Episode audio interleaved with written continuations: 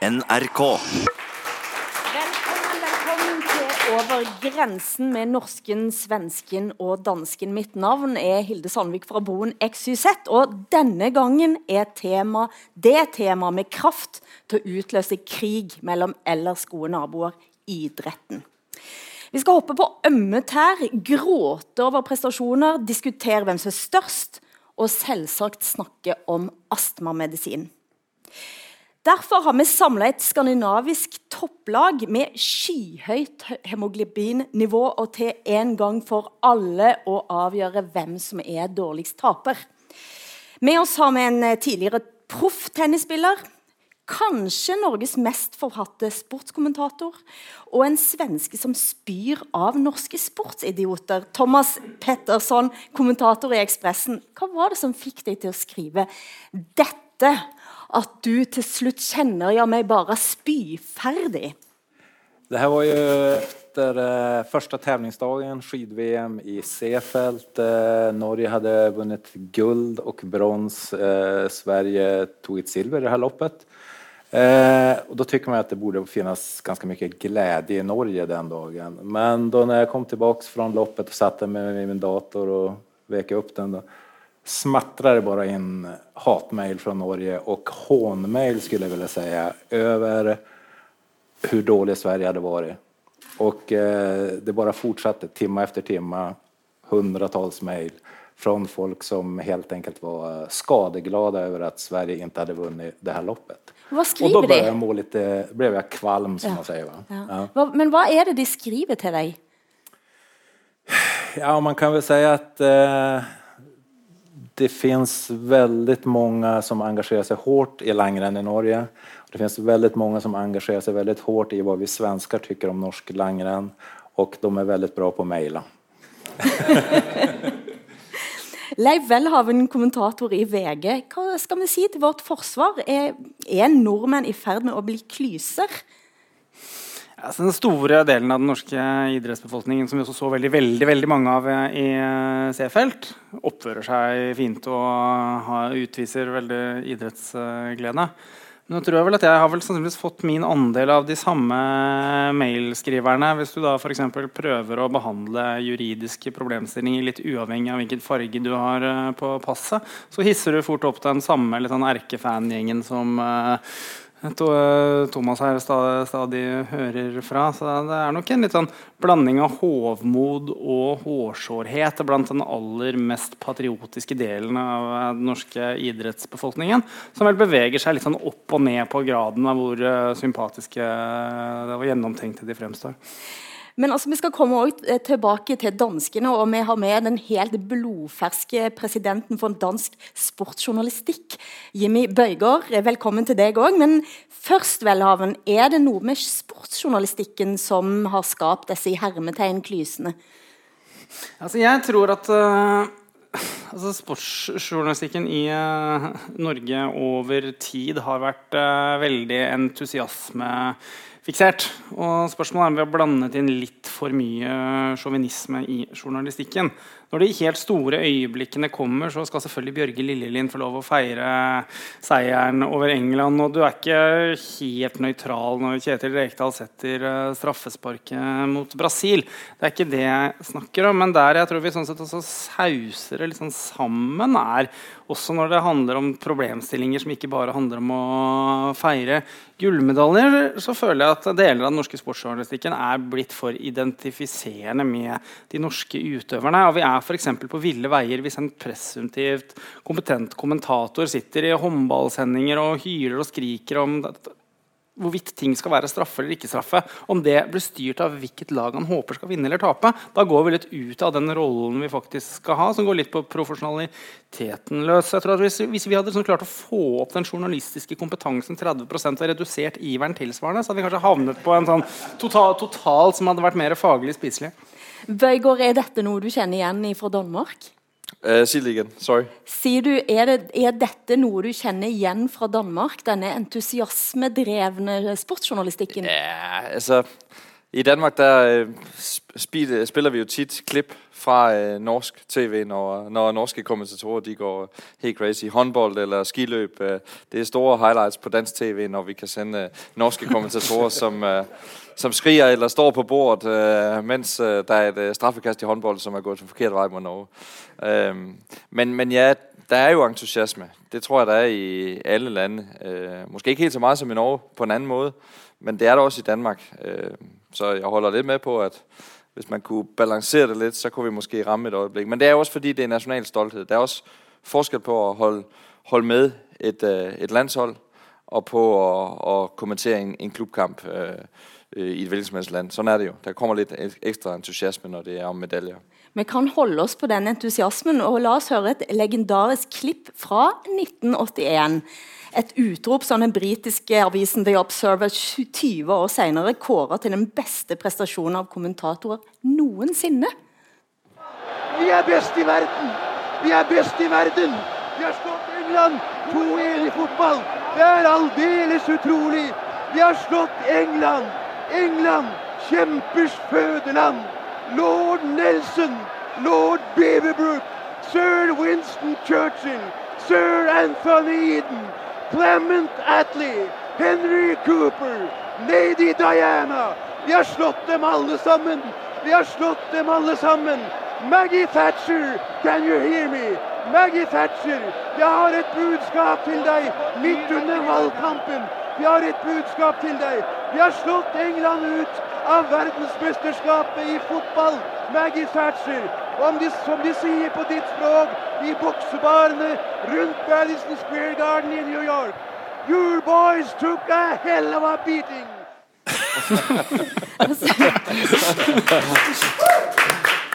Vi er inne på Litteraturhuset i Bergen, over grensen der norsken, svensken og dansken diskuterer sport. Og vi har hørt Bjørge Lillien Petterson, er dette klippet kjent i Sverige?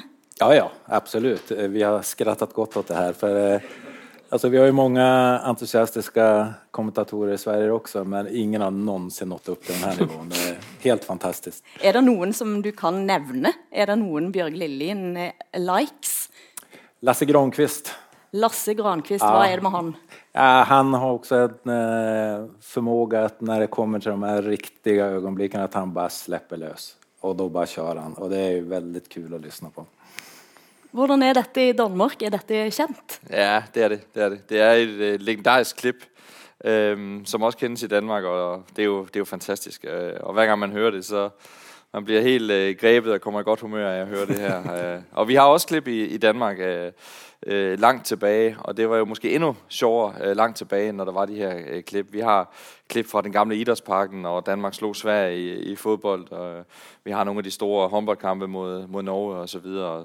Men de findes i alle lande, de her øh, fantastiske klip. Det er jo en del af historien. For dette klippet her, det var nylig faktisk på Ekstrabladets forside, som drev litt narr av, øh, av øh, nordmennene. Hva var det som skjedde? Jamen altså, det, det er jo det er jo, øh, der kom jo en historie ud om uh, det her klip, som blev uh, veldig populært, hvis det er det, du tænker på. Uh, og, og så blev det jo... Hver gang der er et, et, en lejlighed til at, at lave grin med et norsk klip, jamen, så gør vi det, som jeg sagde før, med skiløb eller, eller hvad det er. Så, så det blev en vældig stor historie i, i Danmark også ved den lejlighed. Men det er jo... Et eller andet sted er det jo også en respekt for en stor præstation, og så måske bare lige en chance for at, at drille nordmændene lidt uh, over, at det gik så meget amok. For her var det jo da håndball-VM Eh, som der eh, nordmennene ble snytt, vil jeg nesten si, for gull. Ja. eh, og der forsiden som på sportsdelen til Ekstrabladet så står det altså det er slutt Danmark. Danmark har slått Norge i håndball. Vi er best i verden, vi er best i verden, vi er best i verden. Vi er best i verden, vi har slått Norge. uh, og så ramser han opp Ro Roald Amundsen, Edvard Munch, Roald Brundtland, Jens Stoltenberg, Sissel Kyrkjebø har slått dem alle. Og ender altså til slutt Dine drenger fikk en ordentlig rødfull dringe, Dine drenger fikk en ordentlig rødfull Erna Solberg. Danmark har slått Norge i håndball. Vi er best i verden. dette, dette var Ekstrabladet. Ja, præcis. Og det var jo det var veldig stort håndbolden i, i Danmark i januar. Øh, og klart, kampen mod Norge var en vigtig kamp på vej mod det her. Men, men ja, det var jo bare øh, sjovt, men det var en god måde at gentage historien på fra, fra 81. Jeg må si at originalet var bedre enn da. Ja, det var det. Det, var det. det er det alltid. Du syns det var litt dårlig, Petterson? Nei, men eh, det går aldri å gjøre om noe så perfekt som det første. De hadde jo sine ord i behold til slutt, da. Men danske sportsjournalister de elsker å gjøre narr av, av nordmenn og kalle oss fjellaper. Og, og lage skrekkoppslag når Drillo altså er på vei for å holde foredrag for danske trenere. Eh, eh, men ligger det et grunnsyn her på at nordmenn er litt sånn enkle og dumme? Nei. Nei. Eh, det er jo litt øh, Det er jo kjærlighet, og så øh, sporten er en god leilighet til å, til å drille litt. Men nei, vi elsker nordmenn vi har, og svensker. Øh, vi har masser af turister i både øh, Nyhavn og øh, Frederikshavn, så, øh, så, så, så vi elsker øh, svensker og nordmænd, men vi elsker også at, at, at drille dem. Men jeg tror, jeg ved ikke, hvor det kommer fra, men, men vi har jo også lidt det samme med Tyskland. Uh, det er jo nabolande, det er nabostridigheder, og det er, uh, når sporten uh, giver en lejlighed til det, så bliver det ekstra kolorit på en VM-turnering eller en, en vigtig match. Og så er det jo også fordi, vi, vi kan jo ikke stå på ski. Så vi bliver, vi, så vi bliver nødt til at, at finde et eller andet at, at, at vinde på. Og det med fodbolden var jo altså fodbold skal spilles med fødderne, og i Danmark sagde man, at Drillo han spiller op under, under taget. Uh, men det var jo dybest set en respekt for, at, at Norge var kommet tett tæt på Danmark uh, og, og leveret nogle store præstationer, efter at Danmark havde været førende en periode. Så der var vel også lidt respekt, for ellers så ville man ikke bruge energi på, tænker jeg, at, at lave det her. Vil man sagt i Sverige at vi er best, vi er best, vi er best? Ja, nå skulle vi kunne gjøre det. Ja, ja. Er du sikker? Ja, det tror jeg. Det tror jeg. Jeg Eller tror, jeg tror ikke inte vi hadde kopiert noen norsk forlag. det tror jeg ikke. Det er ikke kjent ok.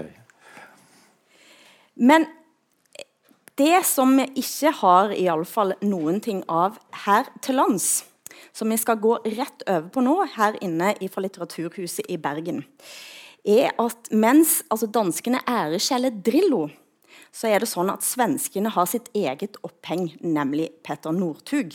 Og ikke bare irriterer han svenskene så langt, at det gikk så langt at SVT faktisk kjørte en egen debatt på TV i Agenda om denne usympatiske nordmannen. Hør på dette.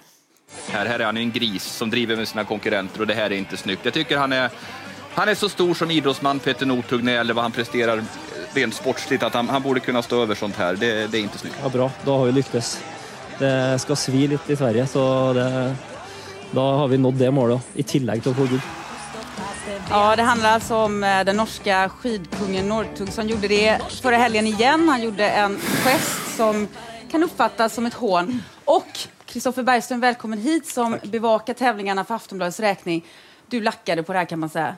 Lite grann. Ja, Jo, jo, men for å forstå det så måste man förstå lite vad man sett här. Att Petter, han kom fram för fem år sedan och han vann en VM-stafett. Han spurtade ner Anders Södergren och började ropa att ett barneskirenn. Det är som ett pojklopp jag vann. Liksom sådär. Och sen han blivit jäkligt bra på att hitta våran liksom, solaplexus, svenskan. Han blir alltid peta där och så blir han bättre och bättre. Det var kul allting tycker jag, någonstans. Och jag ska komma till min poäng. Ja. I, I helgen var det tävling då och då, ny stafett, han vinner såklart. Han är ju bäst, klart han vinner liksom sådär. Och vad ska då den stora kungen göra när han har provocerat alla? Jo, en så liten noshörning. Så Man börjar så här efteråt säga att Kalle Halvarsson, han är för långsam. Där är en svensk 22-åring. Så då reagerar jag. Då tyckte jag bara att någonstans att ska han vara en provokatör så måste han bli mer provokativ och hitta någonting att slå uppåt. Annars får han växa upp och sluta med det. Dette var altså Kristoffer Bergstrøm i Aftonbladet, din eh, kollega i sportskommentariatet. Min konkurrent. Det her? Konku din, ja, ja, men kollega blant sportskommentatorer. Eh, hvorfor dette opphenget på Northug?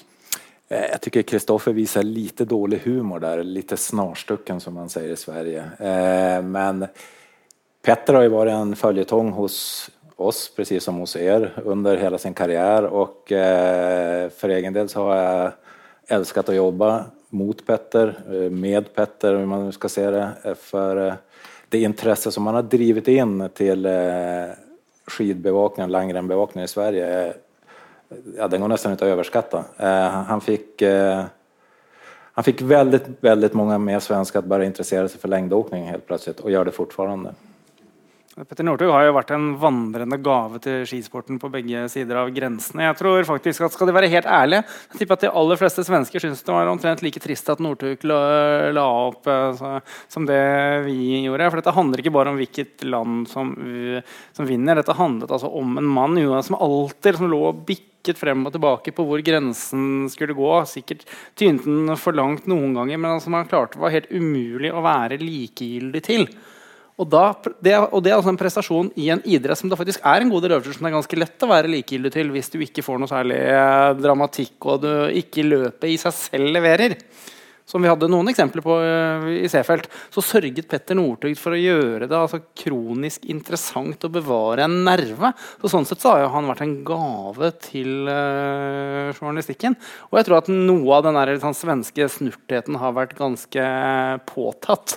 Og Kalle Halvorsson har jo tålt det veldig fint. Kalle Halvorsson, det må du forklare, for du, du Pettersson, du sa at Northug mobba. eh, jeg, drog en, jeg drog en sveng mot Petter her i Seefeld. Ja, det stemmer. Eh, Hva var dette for noe? Nej, da hade jag faktiskt eh, suttit med i Petters tv-program dagen kvällen innan där när Petter påpekade för mig att han tyckte att jag hade varit alldeles för snäll man genom alla år. Så då tänkte jag att nu ska du få din jävel. så det fick han. Nej, men han, hopp, han hoppade på Kalle Halvarsson och eh, gjorde någon koppling till dopingrassian i Seefeld som jag tyckte var lite osmaklig. Att, eh, han sa han skulle hatt eh, noe tid i fengsel? Ja, precis. Eh, dopingpoli eller nästa razzia borde komma och hämta Kalle och slänga han i fängelse för för att han är så dum eh, som skidåkare ungefär. Och det sa du var mobbing? Ja, jag använder det ordet, ja. Hva tenker du om det, Leif Ellerhaven? Det kan godt være at ikke den kommentaren akkurat hadde verdens uh, høyeste stilkarakter. Men det er kanskje noe med at uh, når du har en, altså en, person som Petter Northug over tid, så blir det noe litt sånn kontekstuelt over hvordan han uh, uttaler seg. og Jeg tror det hadde vært noe annet om dette var noe Petter Northug hadde sagt første gang du faktisk hørte fra han. For det, det, er noe med konteksten og smilet og glimtet i øyet osv. som du kan like eller ikke like. Men når du har blitt kjent med Petter Northug over så mange år, så er det vanskelig å sånn sett, løsreve det helt fra den sammenhengen eh, det hører eh, hjemme. Og sånn sett så har kanskje Petter Northug eh, på en eller annen måte innvilget seg selv litt utvidet ytringsfrihet, eller, hva skal, eller hvordan det skal altså, uttrykke det. For liksom, det må ses litt med, med Northug-briller det som var lite grejen var ju också att som ni hörde det här inslaget, var sa han, Kalle var 22 år där. Kalle är 30 nu och Petter håller fortfarande på med samma, samma nötande mot samma person. och det blir så att man bara, ja men byt fokus, ta någon annan. Det är lite ena hand och bara hacka på Kalle Clown. Det er det som er litt morsomt, at han ikke gjør det heller, da. At han bare fortsetter. Men altså, dere har jo der, egen Petter Northug, vil jeg si, i Sverige. Men altså Zlatan eh, Ibrahimovic som eh, ja, kanskje med norske øyne iallfall er en helt annen, kulere historie. da. Altså Peter Northug som bare kjører i fylla og stikker av eh, fra bilen og kompisen sitter igjen. Ville Zlatan ha gjort noe sånt? Altså, du vil altså si om Zlatan skulle ha kjørt rattfull og skyldt på en kompis jag ska inte svara på den frågan, för det skulle mina chefer inte gilla om jag skulle slå fast något sånt, tror jag. Men eh, det man kan säga om Petter Peter Northug och Zlatan eh, är ju att det är ju verk de har sina likheter. Det är två superegon i idrottens värld. Eh, få egon är större än deras.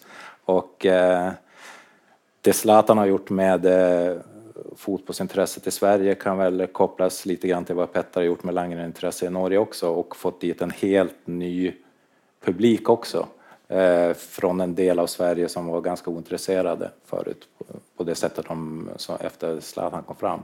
Eh, det är en otroligt fascinerande person och idrottsman. På vilken måte?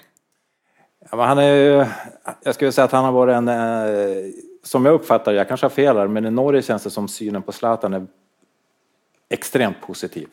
Eh, det är nästan ingen svärta i den synen. I Sverige har jeg nästan varit en vattendelare. Er älska eller hata är väldigt stor del. Eh, beroende säkert en hel del på den bakgrunden, framförallt på den stil han har haft. Største största machot svensk idrott någonsin har sett. Jag är Zlatan, det andra är ingenting. och det där har ju många inte kunnat riktigt köpa, speciellt ur den äldre generationen kanske man ska säga.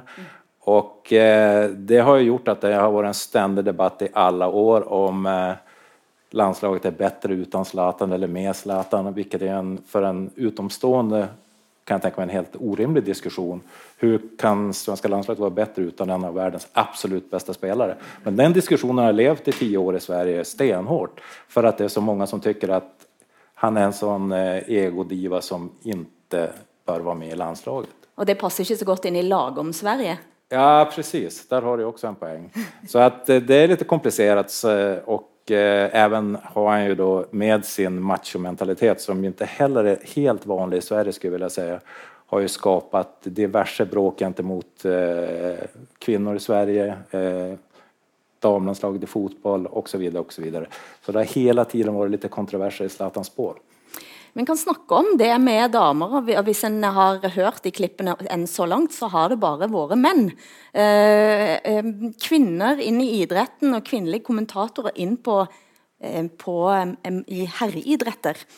Der har vi noen historier. Leif Welhaven, fotball-VM, Klavenes, som var kvinnelig kommentator, møtte ganske stor motstand. Hvorfor er det sånn?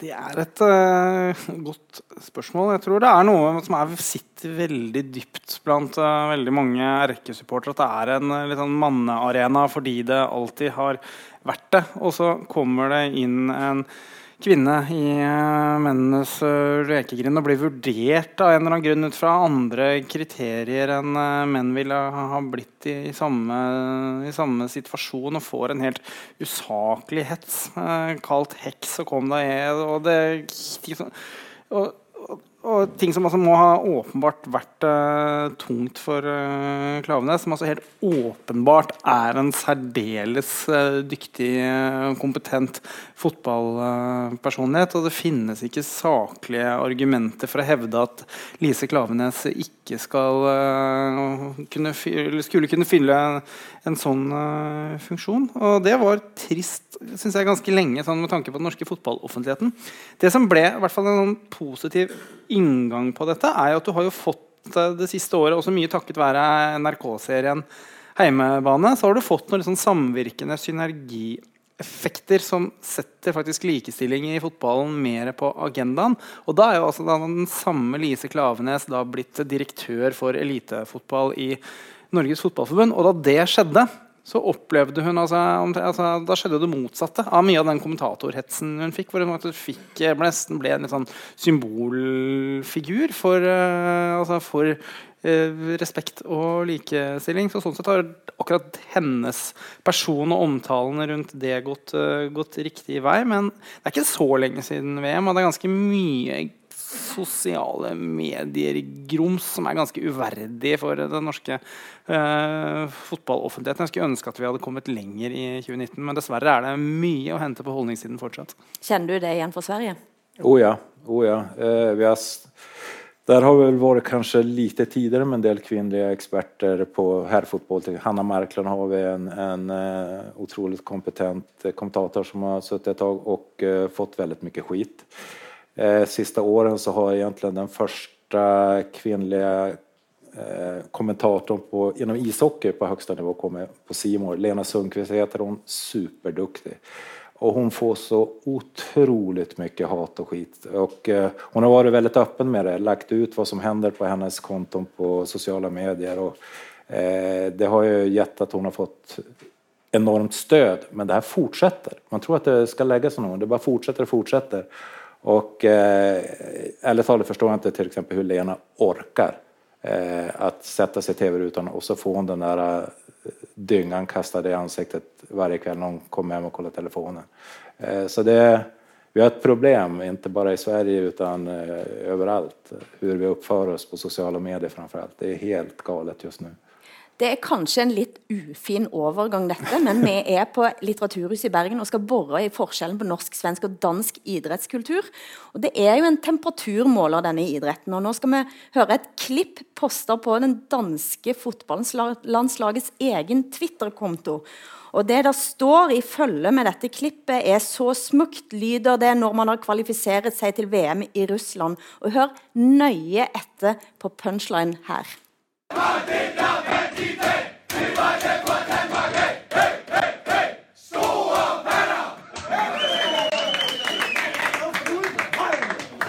Hva var det de sa her, Bøygård? Store Peder. Er det et kjent heiarop i Danmark? Det er en, øh, det er en øh, tradisjon i mange fotballomklædningsrom at øh, man slutter præcis denne sangen med, med det. Men som vi snakker om her med, med andre emner, det er nye tider. Og øh, der er veldig mye diskusjon om man kan tillade seg å, å råbe om det er diskriminerende øh, å råbe store patter, selv om det for 20-30 år siden var ment i sjov. Nå er det øh, i disse metoo-tider øh, ikke helt lige så populært. Så det, det har vært en stor diskusjon. Og selvfølgelig når, når landsholdet gjør det, så, øh, så blir det en diskusjon øh, på høyeste sted. Og det har vært en stor diskusjon. Og, og hva, hvad skjedde i den øh, diskusjonen? Jamen, øh, konklusionen var, at øh, det skal vi ikke gøre. Det dur ikke, landsholdet råber det. Øh, så det stoppede øh, i en periode mange steder, og nå tror jeg, man gør det mange steder alligevel. Øh, jeg ved ikke, om det er, fordi vi er lidt frisindede i Danmark, eller hvad, men, men, øh, men den er jo, det er jo bare andre tider, øh, lige præcis. Så ja, Så det var en midlertidig liten stopp med store patter, og så rett tilbake? Ja, det er nok noenlunde konklusjonen. Men ja, nu, nu får landsholdet jo også stå til regnskap for, for litt mer måske enn de almindelige. Jeg er ingen tvivl om, ude de almindelige fodboldklubber på, på lavere niveau, der, der blir den svær å, å ta vekk. Det er jo å merke seg her, Leif Welhaven, at eh, på den lille videoen som sendes, så er det altså en mann som står i eh, kroken der og, og ler. Og hvem er det? Nei, det, han er norsk, han. Det Så han er med på Det er Åge, det er Åge Hareide, det. Norsk eh, nordmann og landslagssjef eh, for eh, Danmark. Altså, hvis, han skal, altså, hvis han skal prøve å besvare dette alvorlig, så hører jo ikke det, det, dette noe sted hjemme i, eh, i, i 2019. Og fotballen lever ikke på en øde øy, eller burde i hvert fall ikke gjøre det. Sånn helt løsrevet fra resten av uh, samfunnsutviklingen. Så er det sikkert noen som, kan, som lurer på hvor moralistisk og humørløs uh, man skal være. Men jeg synes dette også henger litt sånn sammen med at uh, damer som skal være i avisen, godt kan ha klær på, f.eks. Som det kanskje er litt andre, andre kulturer i deler av pressen eh, i Danmark som vel henger litt igjen i en tradisjon som vi ellers forbinder med de engelske, engelske tabloidene. Og skal du prøve å besvare dette alvorlig, så handler vel det sånn litt om respekt for kjønn og likestilling. Og det kler en fotballkultur dårlig at vi ikke har kommet lenger enn dette i, dette i 2019. Dette locker room talks, som noen ville ha kalt det. Ja, det er jo det. Og tror, altså En garderobe vil aldri bli helt steril, og det er en illusjon. Og vi vil vel heller ikke ha det sånn at det aldri skal være lov å slenge med kjeften eller komme med en sleivete kommentar. Men det er noe med å være forbilder og en signaleffekt at dette faktisk er et landslag. Det er en viss forskjell på det og hva som måtte bli sagt i en eller annen krok i en garderobe i femtedivisjon. Og det er jo også et uttrykk for, at, at som du sier, øh, det skal måske bli i locker room. Øh, det kommer nok aldri helt ut av noe locker room, heller ikke hos kvinnerne. Øh, fordi øh, jeg vil ikke høre, hva der blir sagt øh, der. Men, men det er jo fordi, at kameraene er rykket inn også i, i omklædningsrummene. Og jeg holder helt med. Altså, et landshold kan jo ikke bli nødt til å ha en, en holdning øh, til det her, eller være med det, tenker jeg. Altså I Norge har det jo gått i, For å gå tilbake til denne TV-serien Heimebane, som også handler om en, som er en fiksjonsserie hvor også kommer en, man ser for seg hvordan det er å få en kvinne inn som trener på et uh, norsk eliteserielag som aldri har skjedd i virkeligheten, så har jo noe av diskusjonen i den norske offentligheten vært hvorfor har ikke dette skjedd? Hvordan hadde det vært hvis det hadde skjedd? Hvilke mekanismer og kulturer forekommer? Og her er jo altså, dette kanskje noe med den locker øh, room-kulturen som underbygger da, hvorfor steget er større enn det burde være. Før det hadde bare vært kompetanse og ikke kjønn som hadde styrt hvorvidt en kvinne kunne få treneransvar i en to- mannlig toppklubb eller ikke. Hvordan ser dette ut i Sverige? Ser, vi ser vel på det samme, på samme sett som i Norge. Men eh, eh, det her skulle jeg jo veldig svårt å se kunne hende i Sverige. Eh, det tror jeg ikke. Ikke på den nivåen i alle fall. Eh, men jeg holder med Leif, det er vel väl lite... Här finns det väl en viss skillnad mellan länderna ändå. Eh, dansk press, ni rankar de tio snyggaste kvinnliga spelarna i mästerskap till exempel. Eh, Det skulle- gjør man aldri i Sverige. Nej, det, om vi skulle göra det så skulle vi få lägga ner tidningen tror jag. Eh, men, men det är helt fint i Danmark sådana saker. Om jag, Hvorfor, hvorfor går det. det i Danmark? Jeg ved det ikke. Jeg ved ikke, om det er fordi vi er Om det er det der frisind eller sådan noget, som, som kommer med. Men jeg tror Jeg syns ikke det er det blir oppfattet som, som mangel på respekt, men, men det er jo klart, det er jo bare nye tider nå. Uh, og jeg tror, om, om to årtier sidder vi ikke og diskuterer det her. Heller ikke i Danmark. Altså, der tror jeg, man bare tænker, det, det gør man bare ikke. Fordi nu er det blevet en, ligesom en, en del af respekt, når man bliver også mere opmærksom på det. Med sociale medier, så betyder det bare øh, meget mere. Men, men det er klart, det her med de 10 bedste kvindelige spillere, eller... Øh, peneste, var det det, du sa? Snyggeste. De, ja, ja, peneste. Ja, ja, ja, præcis. Ja. Øh, ja, øh, det, det, det findes. Øh, og øh, det er nok noget med, tænker jeg, forskellen på landet, som, som I også siger. Men det danske frisinnet, kan du prøve å forklare det? For nå har jeg hatt mange debattprogrammer fra Litteraturhuset i Bergen som prøver å bore i hvorfor er akkurat dette en forskjell?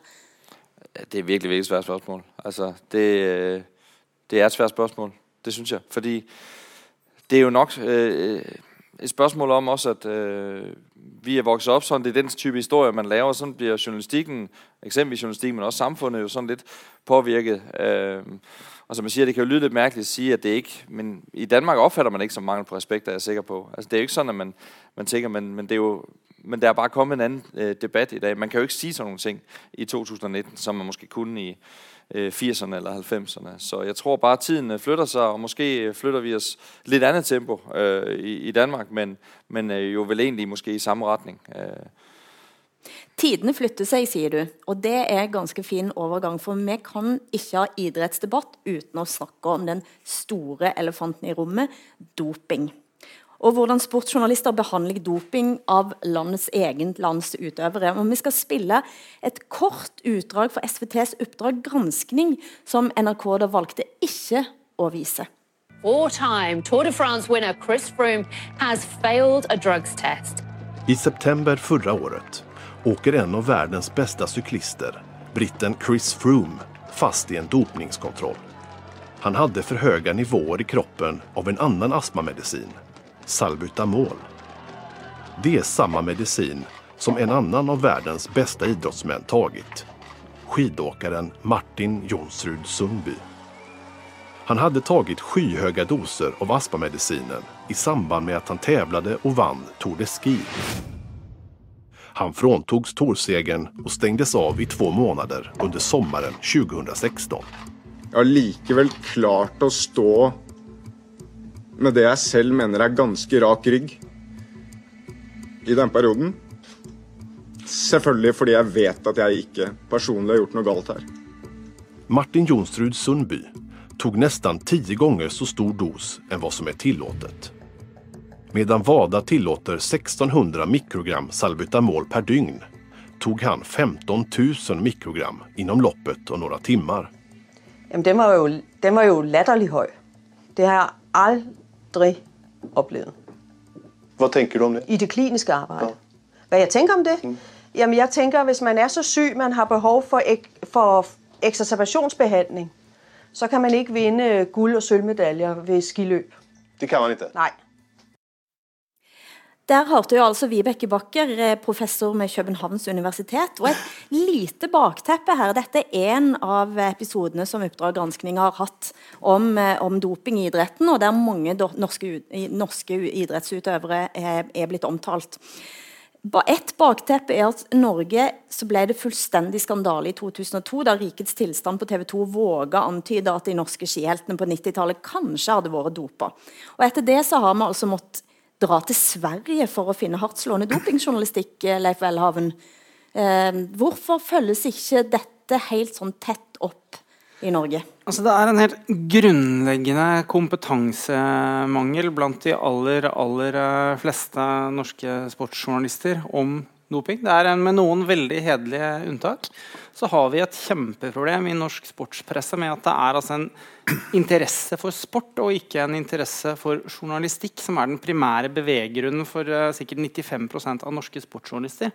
Og det blir problematisk når det oppstår uh, saker av denne karakter, for dette krever at man må, at man må sette seg inn i en uh, materie.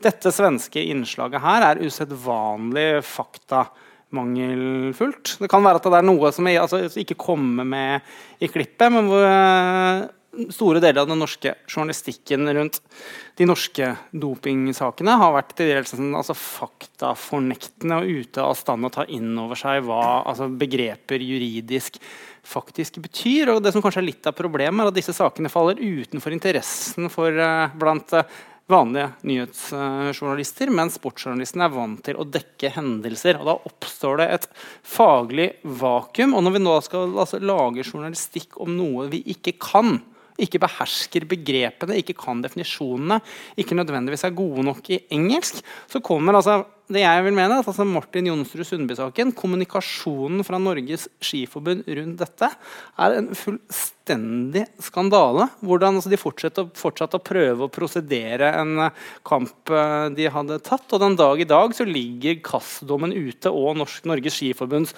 versjon av dem, og de stemmer veldig, altså, veldig dårlig overens. Kan du, gi, kan du på en måte for lytteren da forklare hva denne saken egentlig er? Martin Jonsrud Sundby-saken? Mm. Altså, dette handler om at Martin Jonsrud Sundby veldig kort, er astmatiker fra barndommen. Det er det ikke noe som helst tvil om.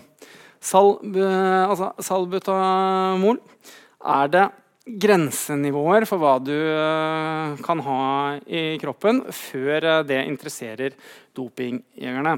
Det som skjedde i denne saken, var at du hadde lov til å ta 1600 mikrogram i løpet av et døgn. Det Norge gjorde, var at de brukte en medisin Nei, unnskyld, et, altså et, et apparat som er eh, et akuttmedisinsk utstyr, som de stappet altså med 15 000 mikrogram, som det sto i denne reportasjen. Det som ikke framgikk her, er at det man da bare tok for gitt, er at fordi dette er en, puste, altså en pustemaskin, og det man bare tok for gitt, er at 90 av medisinen skulle, altså skulle, forsvinne på vei inn i, inn i, kroppen. og Derfor antok den, den, norske legen at du ville komme, inn, altså komme innenfor uh, denne verdien. Dette fikk du da ikke medhold i, Kass, KAS, men selv på, selv på, pressekonferansen etterpå så fortsatte man å fremholde dette.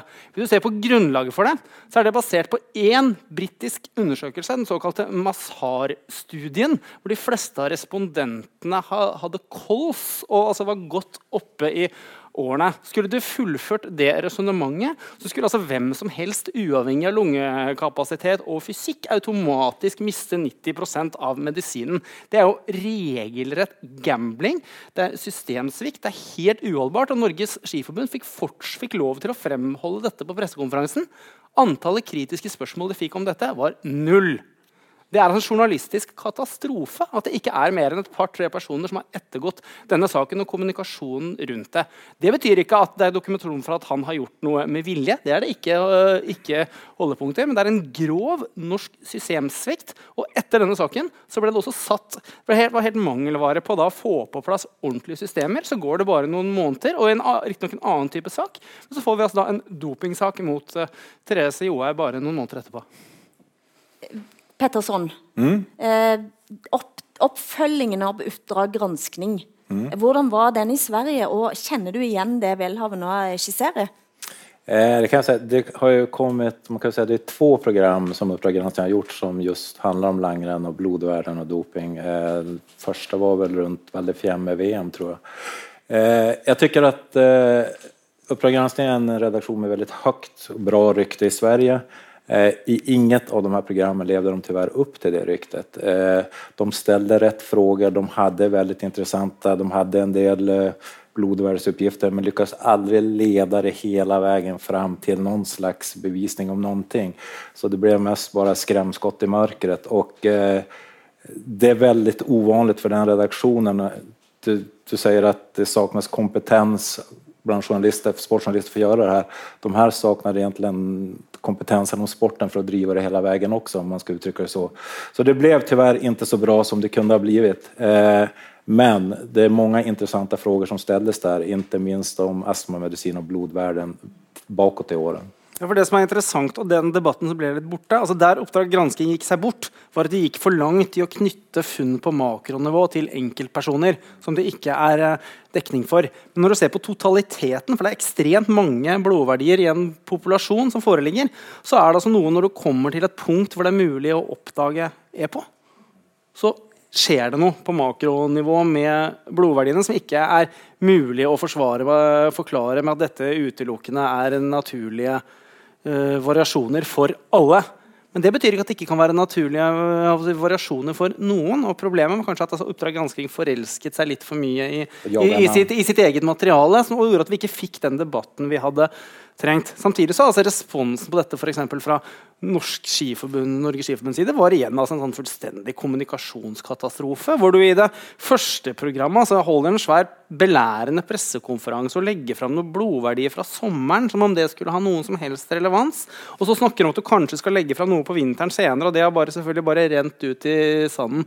Film 2 så ville de ikke snakke i det hele tatt. som er en helt altså sånn Og de vurderte òg å sende det inn til både det ene og det andre av slags eh, instanser for å få stoppa? Altså poenget er at skal du få, altså Dette er jo et, en så suveren skinasjon uh, som Norge. Når du får spørsmål av denne typen, så er den eneste måten å håndtere dette på er jo på en voksen, proaktiv måte å kommunisere ordentlig. Og her har altså, ledelsen i Norges Skiforbund sørget for å gjøre livet usedvanlig vanskelig for seg selv. Hadde vi hatt for, altså, flere journalister med interesse for, for feltet, så kunne det også blitt mye mer debatt rundt det. Og det har det dessverre ikke blitt.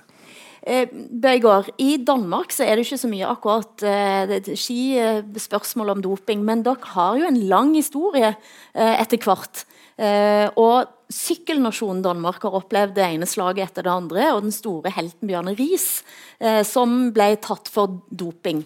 Og jeg har et lite spørsmål her. Altså Det som du hører nå av de diskusjonene som en har hatt nå i emning eh, rundt doping i ski, eh, minner dette altså Er det et varsel om eh, hva som kan skje, når en ser på hva som skjedde innenfor sykkel, sykkelområdet? Jeg synes helt generelt om, om det her emnet jeg synes det er viktig å være åpen omkring det. Altså, holder helt med, Journalistikk skal jo dekke de her ting, stille de her spørsmål, og man blir bekymret. Det kan man også se på hele sykkelskandalen. Eh, Festina-holdet, der blev taget og smidt ud af Tour de France i, i 1998, øh, som måske det mest øh, markante. Øh, man bliver nødt til at stille de her spørgsmål, og der er Lance Armstrong, hele situationen. Og i Danmark oplevede vi med Bjørn Ries, han blev faktisk ikke taget, men han indrømmede doping efter karrieren.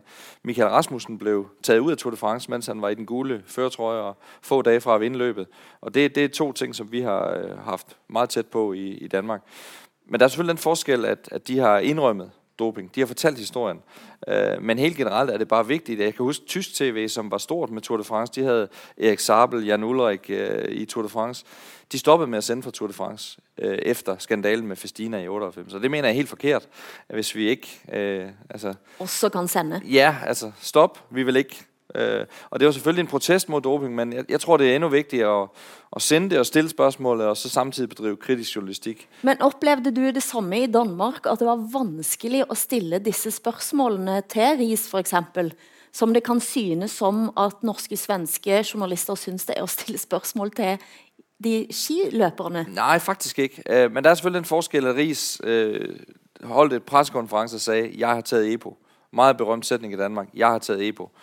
Øh, og det er klart, det er en anden situation end en, som, som øh, sitter på preskonference eller får et spørsmål og siger, nej, nej, nej, det, det har ikke øh, noget på sig. Øh, men jeg oplever faktisk, at der bliver stillet mange spørgsmål. Jeg oplever faktisk også, at, at Bjørn Ries, Michael Rasmussen, øh, mange andre, som, som har det her tæt på, er åbne omkring øh, nogle af de her ting. Og, og Bjørn Ries var faktisk med til at indføre blodpas øh, på cykel i cykelverdenen. Øh, så det er sådan lidt delt, øh, og han er faktisk stadig populær i Danmark, øh, Bjørn Ries. Men, men det er bare vigtigt, at vi holder og, og stiller kritiske spørsmål til det her. Man kan ikke la være. Velhaven. Og her er det også ekstremt viktig at vi har altså, kompetanse og presisjon. Og det har manglet i store deler av den norske debatten. Men jeg føler at altså, veldig mye nasjonalfølelse har overtatt, og følelser har styrt fornuften. For altså, Det som jo er utgangspunktet, er at det som har vært mye av samtalen i Norge, er jo selve begrepet doping. For du har jo da to norske dopingsaker. Det er akkurat det det er, def altså, definitorisk. Hvor det altså ikke er bevist at noen av disse utøverne, verken Sundby eller Johaug, har gjort dette bevisst. Og da har jo mye av den norske retorikken handlet om er det da doping eller ikke. Og her er altså det som, som har vært mitt mantra som man har fått veldig mye motbør for i den norske offentligheten, er at altså, doping må vurderes uavhengig av, av, av, nasjonalitet. Har du et regelverk og et definisjonssett som gjelder alle utøvere, så må det gjelde. Vi kan ikke finne på vår egen definisjon det øyeblikket det gjelder en norsk utøver. Men da er det også samtidig viktig at hadde Therese Johaug blitt dømt for å ha gjort noe forsettlig, så hadde hun altså fått eh, fire år og ikke 18 måneder. Hun hadde ikke blitt VM-dronning i Seefeld. Så jeg mener at det blir like galt med den der sånn eh, sjåvinistiske norske Våre uskyldige helter som eh, Og det er ikke doping, det er brudd på dopingretorikk- dopingreglene i retorikken. Det blir like, altså like galt som at vi ikke skal være i stand til sånn sett, å, å nyansere på å se forskjellen på, stra, altså på straffenivåer, og at det er en etisk differanse mellom man har gjort det med, med vilje eller ikke. Og det som er litt sånn latterlig i den norske debatten, er at altså, historien er jo full av utøvere som har positive prøver, og alle har en eller annen forklaring, og så, og, og så får du en dom. Det er først i det øyeblikket noen norske utøvere havner i trøbbel, at det faktisk blir altså, problem, altså, at dette blir problematisert, og man skal begynne å finne opp en annen, defini en annen definisjon av doping. Justin Gatlin, som har to dommer på seg, er faktisk ikke, hvis du går i dybden på det, det er ikke bevist at han har gjort det med vilje. Den andre dommen fremstår suspekt. Den første eh, gjør, gjør det Og ikke. dommen Men vi, var når og hvor? altså, han, han hatt en, eh, den første sa, altså, Jeg husker ikke alle detaljer, men altså, den første dommen mot Justin Gatlin var han ung og hadde, han var student og hadde en, altså, en lidelse i, uh, en, en ADHD-lignende situasjon. og har da trappet ned medisinen litt grann for seint. Og det står, i, altså det står i dommen helt klart, klart, helt klart og tydelig at man, man blir trodd på at han ikke har gjort det med vilje. Den andre kommer eh, da, en god del år senere, og da er forklaringen at han, han, altså han har testet Jeg mener det var på testosteron, om jeg ikke husker feil, men hans forklaring var at han tror dette må ha blitt massert inn med en krem uten at han eh, har visst om det. Det som skjer i retten, er at det blir ikke konstatert at han ikke snakker sant, men han klarer ikke å godtgjøre at hans versjon er korrekt.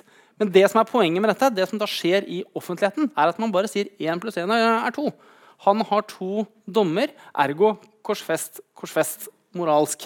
Og da er det noe, hvis man setter seg inn i disse sakene, at det blir noe hyklersk over at du skal liksom behandle folk så, altså så utrolig forskjellig. Hele poenget med dopingregelverket er at det skal ikke henge sammen med nasjonalisme og, og, og sjåvinisme. Og her mener jeg at eh, altså den, både den norske opinionen, den norske offentligheten og den norske journaliststanden, og ikke minst deler av det norske eh, kommentariatet i eh, enkelte aviser, uten at jeg skal nevne navn, har åpenbare faglige mener. Problemer. Og da blir det for lengst bikket over grensen for alt som ligner å være flaut.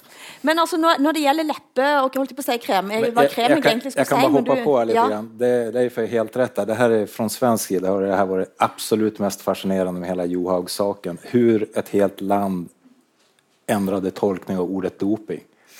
Men nå, nå er, for det er en, eh, Du skal få snakke mer om Ja, dette. Men nå har det altså vært ski-VM, og Therese Johaug har igjen eh, gjort, eh, fått ganske mye med seg hjem. Eh, og igjen jubles det og gråtes i norske TV-studioer som om ingenting har skjedd. I Sverige derimot så har de ikke glemt. Og et ukjent klipp fra en TV 2-dokumentar har gått viralt det siste året. Og her er utdrag for Sveriges største podkast, som koser seg med dette. Så du klippet om Johaug når hun får vite at hun har fått 18 måneders avstängning och familjens medlemmar skriker rakt ut? Nej, över då skriker i vrede eller i förtvivlan? Eller? Ja, det är ju ett, det är ett djuriskt skrik. Jaha. Man blir liksom mer illa berörd av det, av det där skriket än av själva domen. Seriöst? Ja. Ha? Åtta månader? Ja. Nei! Nei, nei, nei. Hva som skjer? Nei, jeg fikk 18 måneder.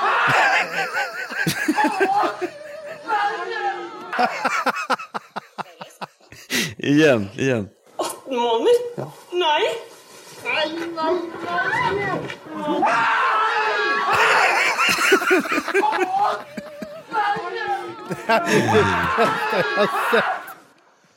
Det är också en mänsklig tragedi såklart. Det måste vi ändå påpeka. Men det är men det, det är väldigt utbildande. För att man får ju sig en tankeställare. Man förstår lite mer om hur det är att vara Johaug. Ja, verkligen. Därför att det är också en... Alltså, man kastas ju mitt in i en familj som man förstår eh, har satt ganska hög, stor press på henne, i, alltså från barnsben uppåt. Ja, i det där skriket så finns ju tiotusentals timmar i, i snöspåren om kvällarna sedan 80-talet. alltså att, att, att ha offrat allt i onödan, det genererar sådana där skrik.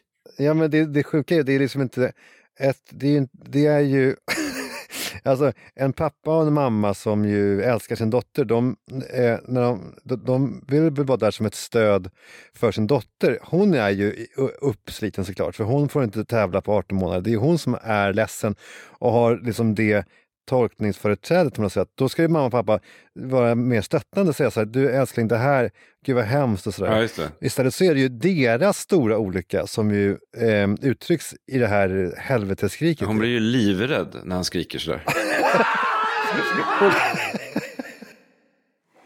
Leif Welhaven, dette er et klipp altså som har gått viralt i Sverige. og Dette er fra Alex og Sigge, som er da Sveriges største podkast. Hvorfor har vi ikke hørt noe særlig om dette? Jeg hadde ikke hørt om dette før for noen dager siden i forbindelse med lanseringen av dette. Så jeg har ikke noen god forklaring på hvorfor det har eh, gått eh, under, eh, under eh, radaren for eh, norsk presse. Men jeg må jo si, altså jeg reagerer på dette, syns jeg var smakløst. Altså, dette er eh, en sånn lettvint eh, hovering over for noe som åpenbart er helt reelt traumatisk. Både for en utøver og hennes eh, nærmeste. Og jeg vi skal, vi, altså vi, sånn, Hvis vi skal kunne unne oss en sånn naboduell med glimt i øyet, så er ikke det et eksempel på dette. Dette syns jeg bare ble litt sånn der, smakløs fråtsing i noe som er vondt, som de godt kunne ha spart seg. Aslak Nore, norske redaktøren og forfatteren, han skrev på Twitter at eh, dette er Norge som å tegne profeten. Og Bøygaard, dere har jo erfaring med å tegne profet. Ja, det skal vi ikke snakke om her.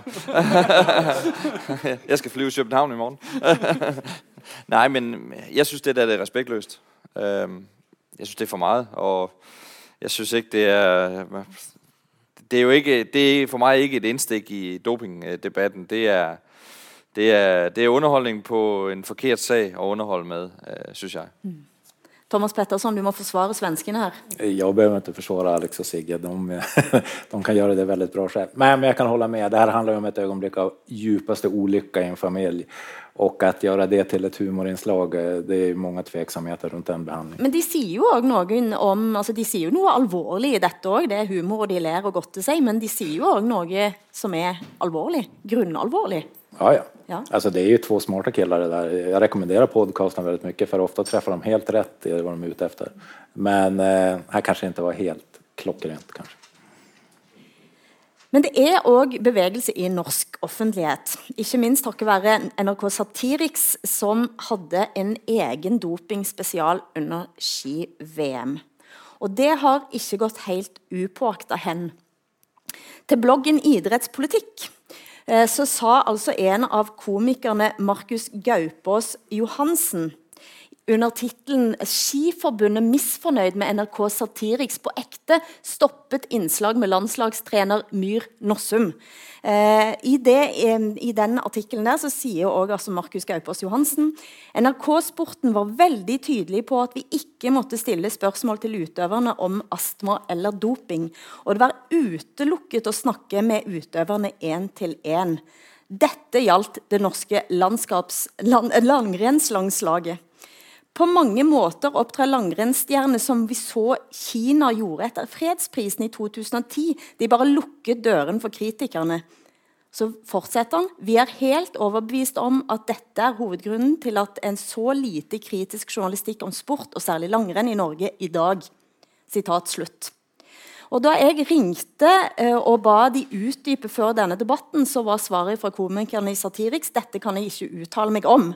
Og sånn jeg opplever det, så er det nesten som de har fått munnkurv. Og hva sier det om måten Skiforbundet her opptrer på, Velhaven? Welhaven? Altså, Skiforbundet har et uh, veldig anstrengt forhold til alt som ligner problematisering av uh, astmamedisin. Det har jo vært et uh, tema og, over mange år. Det kom en, eh, inn, altså en sammen, internasjonal rapport rundt det eh, for et par, par år siden som eh, Skiforbundet trekker fram i, en, altså, enhver sammenheng som altså, etisk sett eh, konkluderer med at eh, praksisen eh, i eh, norsk langrenn har vært eh, innenfor. Og så er det jo evige debatter om hva er definisjonen av en frisk eller ikke frisk eh, utøver osv. Men det er nok, eh, dette, det du spør om, henger nok altså sammen med at dette har ført, altså vært problematisert så mange ganger, det har vært rettet så mange beskyldninger mot dette miljøet, at jeg tror det, altså de blir veldig veldig hårsåre, og det sitter langt inne og kunne synes at, for dette miljøet å kunne synes at uh, satire rundt uh, dette er morsomt. Så kan man jo uh, diskutere liksom, hvor graden av takhøyde osv. Burde, burde være, men det er samtidig altså, en viss grad til, til å forstå at, at de syns det er slitsomt når det har vært så mye over så lang tid. Men et, Kina etter fredsprisen er en ganske voldsom beskyldning, da? ja, det er sterke det er eh, sterke ord, og kanskje ikke helt på riktig banehalvdel. Men det, det, det, är faktiskt helt fascinerende hvordan Norske Skiforbundet har jobbet rundt de her dopingsakene. Hvordan de eh, mer eller mindre har försökt styra debatten, styra vilka reportrar som ska rapportera. Och eh, när det kommer så långt som att direkt när en annan utövare, säg Maurice Magnificat, duktig fransman, Aino Kaisa Saarinen, en duktig finsk åkare, uttalar sig kritiskt eller ifrågasätter något om norsk eh, astmamedicin eller vad som helst. Då jagar landslagschef Vidar Löfshus själv upp dem och ringer upp dem och vill eh, stämma i bäcken som man säger i Sverige. Det är bara verklighetsfrämmande. Vad, vad, vad håller de på med? Alltså, det skulle aldrig, aldrig kunna hända i Sverige. Men Norska skidförbundet hamnade direkt så fel det här i någon slags försvarställning. så allt ifrågasättande kablades ned, skjøts ned. Dette er da den samme landslagssjefen som offentlig har gått, altså gått ut og altså fornektet den internasjonale definisjonen av, dopi, eh, av eh, doping. Samtidig som altså den norske skipresidenten til NRK etter at Johaug ble dømt, uttalte at vi nå altså har ikke, at, det da ikke differensieres mellom bevisst og ubevisst doping, når virkeligheten er at hun fikk 18 måneder og kunne fått uh, øh, 48. Så jeg er jo litt overrasket over at uh, altså norsk presse så langt på vei lar seg øh, herje med av ganske uakseptable kommunikasjonsteknikker. Vi burde hatt en mye mer faktaorientert og mye tøffere journalistikk rundt disse sakene enn vi har hatt. Da kan jeg si at du har hørt på Over grensen med norsken, svensken og dansken. Eh, takk til sportskommentatorene Thomas Petterson fra Ekspressen, Jimmy Bøygård, dansk TV 2 og VGs Leif Welhaven. Mitt navn er Hilde Sandvik. Vi høres igjen i april, og da skal vi snakke om Gud, intet mindre. Takk for nå.